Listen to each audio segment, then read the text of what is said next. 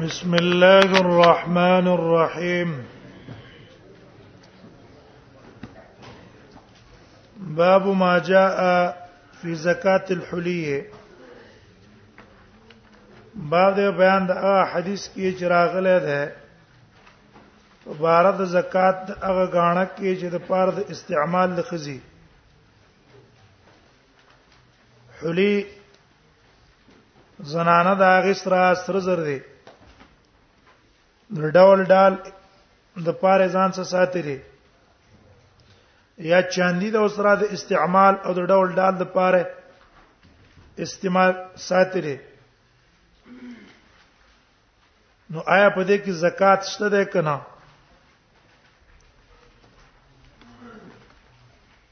دا مسلم اختلافي ده د علماو منځ کې یو قول د علماو دا ده امام بونی فرحم الله او د احناف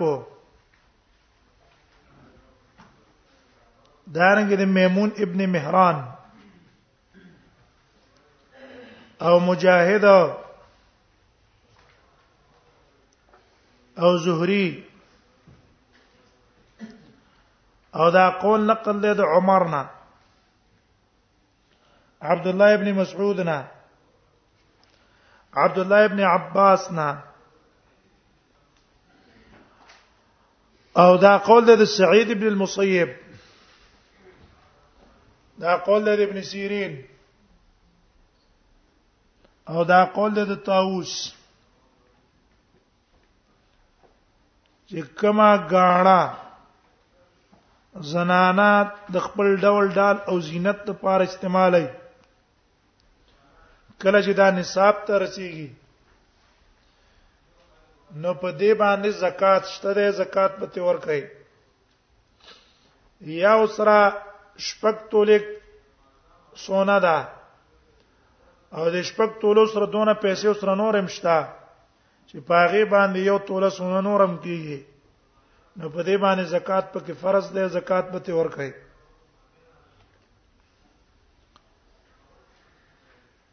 دی استدلال نه ولا ده هغه حدیثو چې پای کې دا حدیث هم ده یا معاشر النساء تصدقن ولو من حلیکن دی استدلال نه ولا ده یو به احادیث الباب ګوره نبی صلی الله علیه وسلم دې زنانو ته ویلي صدقه ورکړي دیم استدلال نه ولا ده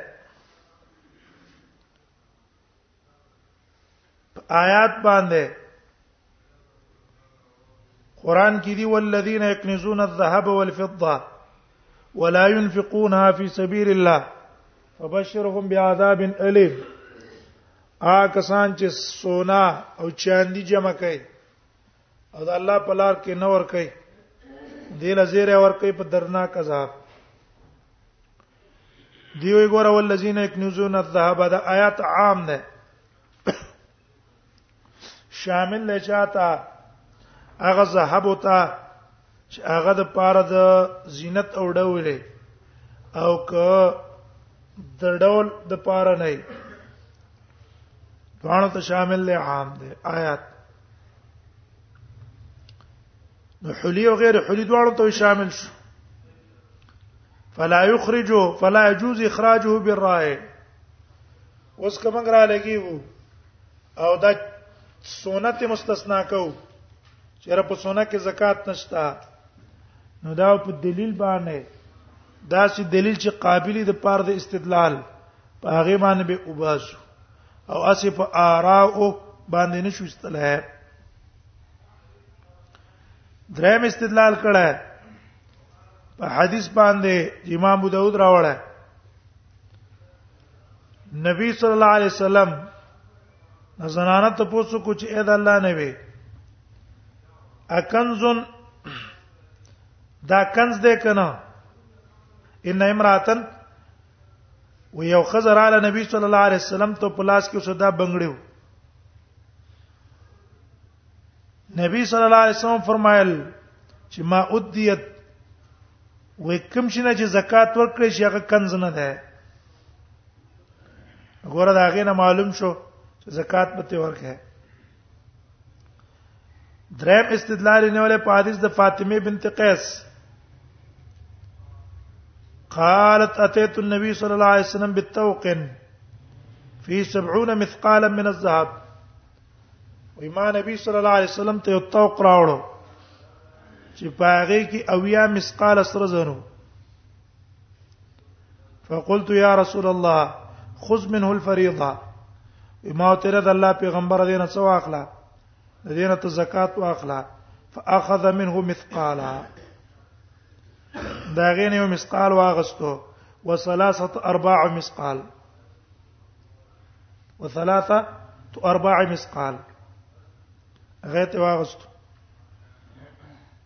د امام دار قطنی راوړای هو فی فی ابو بکر الهذلی وهو متروک ولم یاتی به غیره نور باز روایتونو باندې استدلال نه ولا دیم قول د امام مالک امام شافعی امام شعبی ده او دا قول اسحاق ابو ثور دی غوړه کړه چې لا زکات فی الحلی المتخذ للاستعمال کما غاڼه چې د استعمال لپاره پکې زکات نه دا قول نقل له ابن عمر نه د جابر نه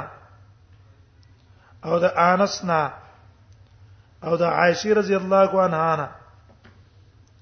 دا رنګ دا قول نقل د اسمانا هغه نم نقل ده دی استدلال نه ولا دی استدلال نه ولا حدیث باندې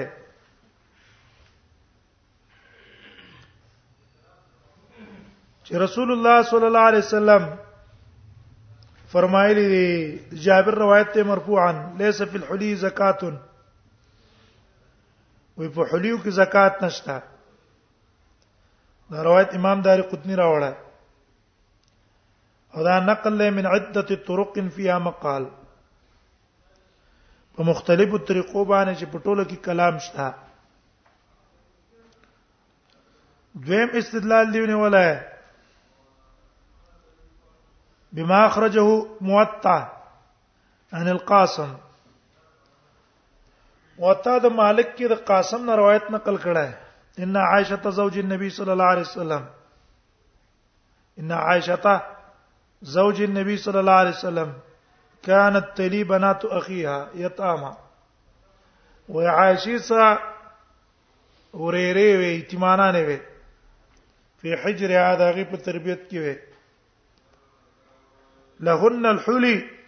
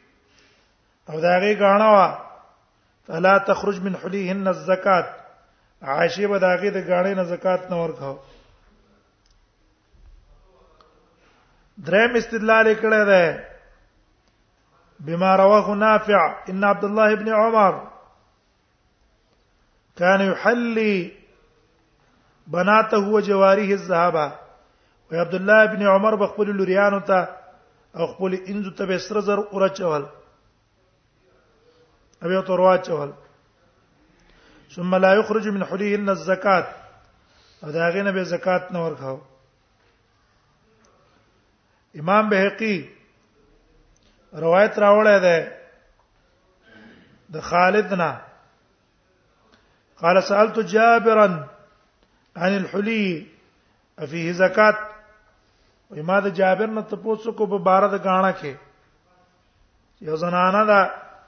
هغه سره زر دي د ډول د پاره جوړ کړي دي زکات په کشته کنه قال جابر لا جابر نه زکات پکې نشته کې به زکات نه ورکړي قال وان كان يبلغ الف دينار اگر که زر دینار ته ورسیږي به به امتنه ورکړي فقال جابر اکثر جابر تل کې د زر دینار نمبرې زکات پکې نشته دارنګ داری قطنی روایت نقل کړی چې ان اسماء بنت ابي بکر تحلي بناتها الذهب وهغه من خپل لوريانو ته سره ضرورت چول ولا تزكيه نحو من 50000 تقریبا 50 زره 50 زره مطابق سره زر به تر چولې زکات به تنور کاو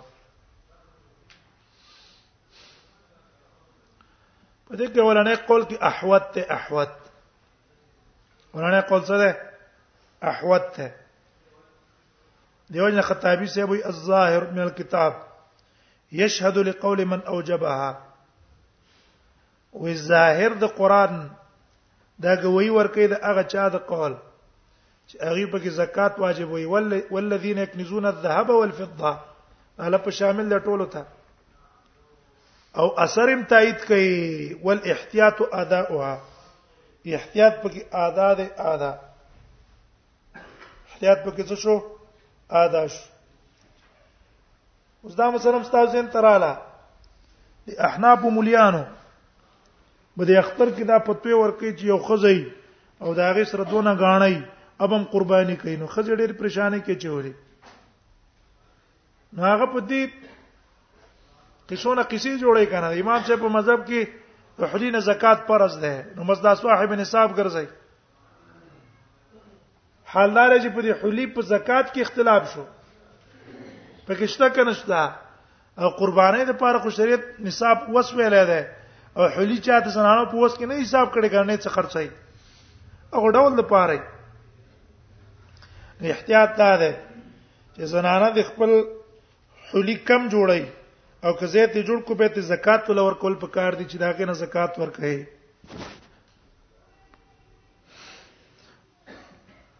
وبي قال حدثنا هناد قال سنا ابو معاويه عن الاعمش النبي وائل عن امر بن الحارث ابن المصطلق عن ابن ابن اخي زينب امراه عبد الله عن زينب امراه عبد الله قالت داوای خطبنا رسول الله صلی الله علیه وسلم وي مونږ ته نبی صلی الله علیه وسلم خطبه ویله خطبه کې راته ویل یا معاشر النساء اے جماعت د زنانو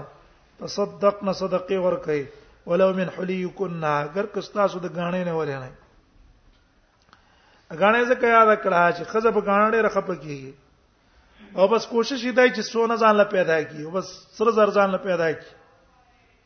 په دې فکر کې په دې سوچ کې دا څنګه ډېر رقم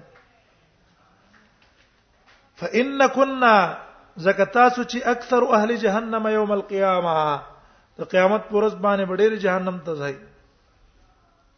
نو د دې تدارک په څو کې په صدقې ورکړي ځکه د صدقې د وجه انسان د جهنم نه بچيږي غره تصدق نه لاله په شامل له زکات ته هم او عام صدقې ته هم وبي قال سنا محمود ابن غيلان قال سنا ابو داود عن شعبه عن الاعمش قال سمعت ابا وائل يحدث عن عمرو بن الحارث ابن ابي خي... ابن اخي زينب امراه عبد الله عن زينب امراه عبد الله عن النبي صلى الله عليه وسلم نحوه وهذا اصح من حديث ابو معاويه وې دا د ابو معاویه د حدیث نه څه ده اصح ده ولې ابو معاویه روایت کې وګورئ پاس انا ابو معاویه عن الاعمش انا ابي وائل ابي وائل چې نقل کړی د عمرو بن حارث بن المستلقنا عن ابن اخي زينب امراه عبد الله عن زينب امراه عبد الله روایت د چا نقل کړی د خزینه او دیره لګیدل د چا نقل کو شعبه راولګن العمش سمعت ابا وائل يحدث عمرو بن حارث بن اخي زينب امراته عبد الله عن زينب امراته عبد الله عن النبي صلى الله عليه وسلم عن النبي صلى الله عليه وسلم نحوه هم دغه څه وکړلو وهذا اصح او دا اصح ده من حدیث ابي معاويه په نسبت د حدیث د ابي معاويه یې په نسبت د صحیح صحیح دی ولې پاس کې وګورئ يحدث عن عمرو بن الحارث ابن اخي زينب امراه عبد الله تکشوا او قالت عمرو بن الحارث عن ابن اخي زينب امراه عبد الله عن زينب امراه عبد الله قال خطبنا رسول الله هغه کی خطبه ذکر کړه او د پکې انا نه ویاله و ابو معاويه وهم في حديثه دب خطا شوه د چی ویل دي عمرو بن الحارث ان ابن اخي زينب دې پکې زیات کو څوک پکې زیات کو عمرو بن الحارث ان ابن اخي زينب ذکر کو حال دا ده چې د عمرو بن الحارث په خپل څوک ده د ابن اخي زينب ده کنه دا غي وراره ده والصحيح انما هو عمرو بن الحارث ابن اخي ابن عقی زینب ودا ده نو دې راولګې دا غي جدا کو دې جدا کو وقد روي ان امر ابن شعيب عن نبي ان جدي ان النبي صلى الله عليه وسلم انه را في الحلي زکات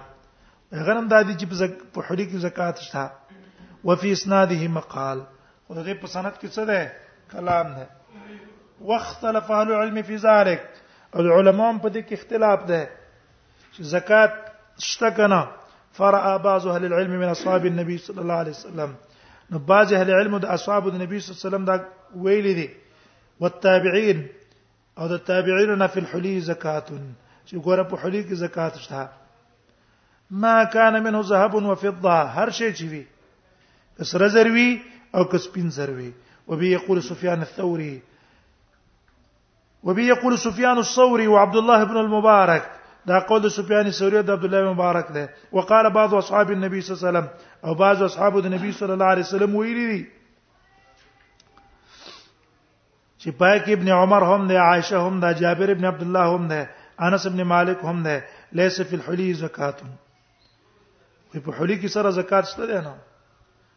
وهكذا روي عن بعض فقهاء التابعين اذا قص نقل شوی د بعض فقهاء التابعين نه هم دا قول ده د مالک ابن انس شافعي احمد اسحاق هم ولي وبي قال سنه قتيبة وقال سنه له عن عمرو بن شعيب عن ابي عن جد ان امراتين اتتا رسول الله یو دوه خزي نبی سلام تراله وفي يديهما سواران من ذهب دا غي په لاس کې بنگړي د سترو زرو فقال لهما نبی صلی الله علیه وسلم تو ویل تو دیان زکاتا زکات ورکوي کنه فقال تعالی دوان ویل نه فقال لهما رسول الله صلی الله علیه وسلم تو ویل اتحبان تاسو دا خو غړی ان یصورکم الله چې الله درواچی تاسو ته به سیواره نه من نار دو بنگړي د ور هم خوخه ده الله ته د ور بنگړي واچي قال تعالی دی ویلنا قال نبی صلی الله علیه وسلم به سید کنه فادی زکاتا تاسو دې زکات پر کوي کنه دندلی شو جمهور د پاره قال ابو سعيد هذا حديث قد رواه المثنى اذا حديث نقل کړی د مصنف بن الصباح عن عمرو بن شعيب د عمرو بن شعيب نه نحو هذا هو المصنف بن الصباح ومصنف بن الصباح ابن لهيعه يضعفان في الحديث د دوه ته پادیس کې څه ویل شوی دی زویف ویل شوی دی ولا يصح في هذا عن النبي صلى الله عليه وسلم في شيء في شيء او د نبی صلی الله علیه وسلم په دې کې حدیث هم صحیح نه ده خو احتیاط پس کې شو مون قول د احتیاط وکړه کنه چې احتیاط دا ده چې زکات د فرض کړی شي د وجه د آیات نه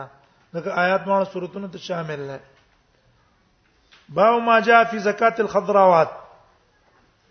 باب دې په زکات د خضراواتو کې کوم شی چې د زمکه نه راوځي او ساتل کېږي نه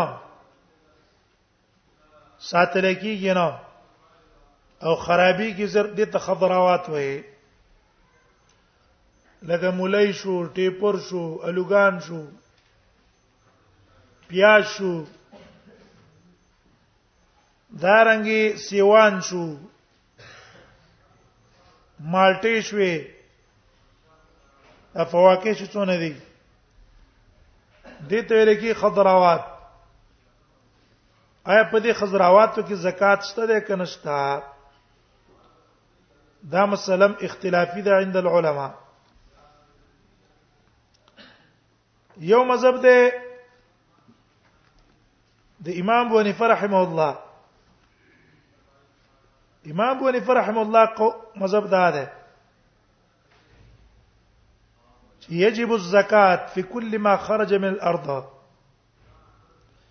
بلا شرط نصاب لا فرق بين الخضروات وغيرها هر هغه شی چې د زمکه نه راوځي په هغه کې زکات فرض ده برابر خبره کدا شی نصاب ته رسیږي او کنه رسیږي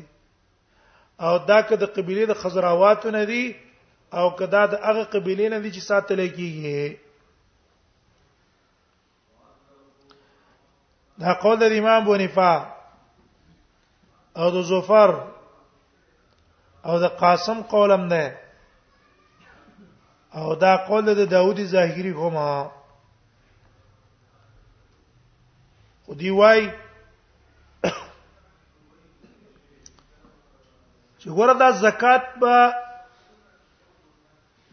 چې د زمکه نه فصل لا اوزي ال لازمي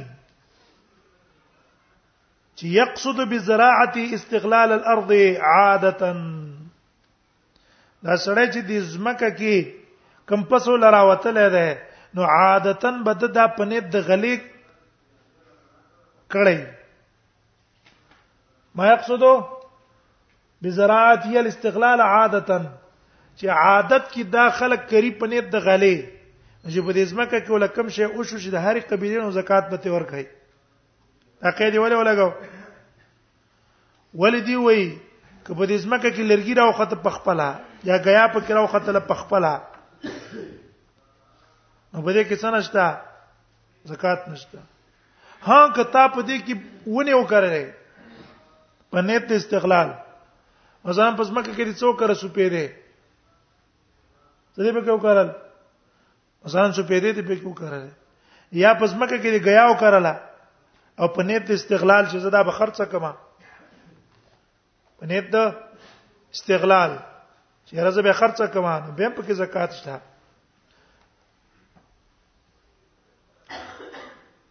دی وی که خضراوات او که غیر خضراوات په ټوله کې زکات شته دلیل دی څه ده دی دلیل نیولای په عموماتو هغه عمومات چې قران کې راغلي دي لکه خذ من اموالهم صدقه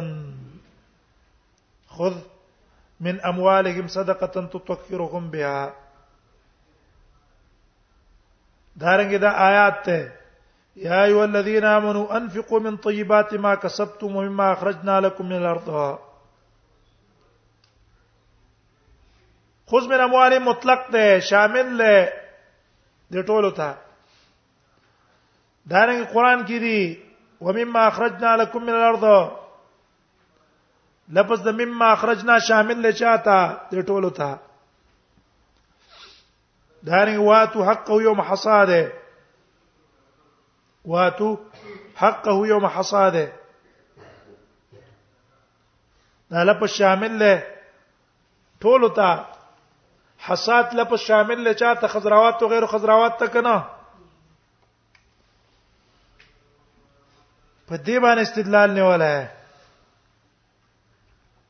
چې په دې باندې زکات ورکړي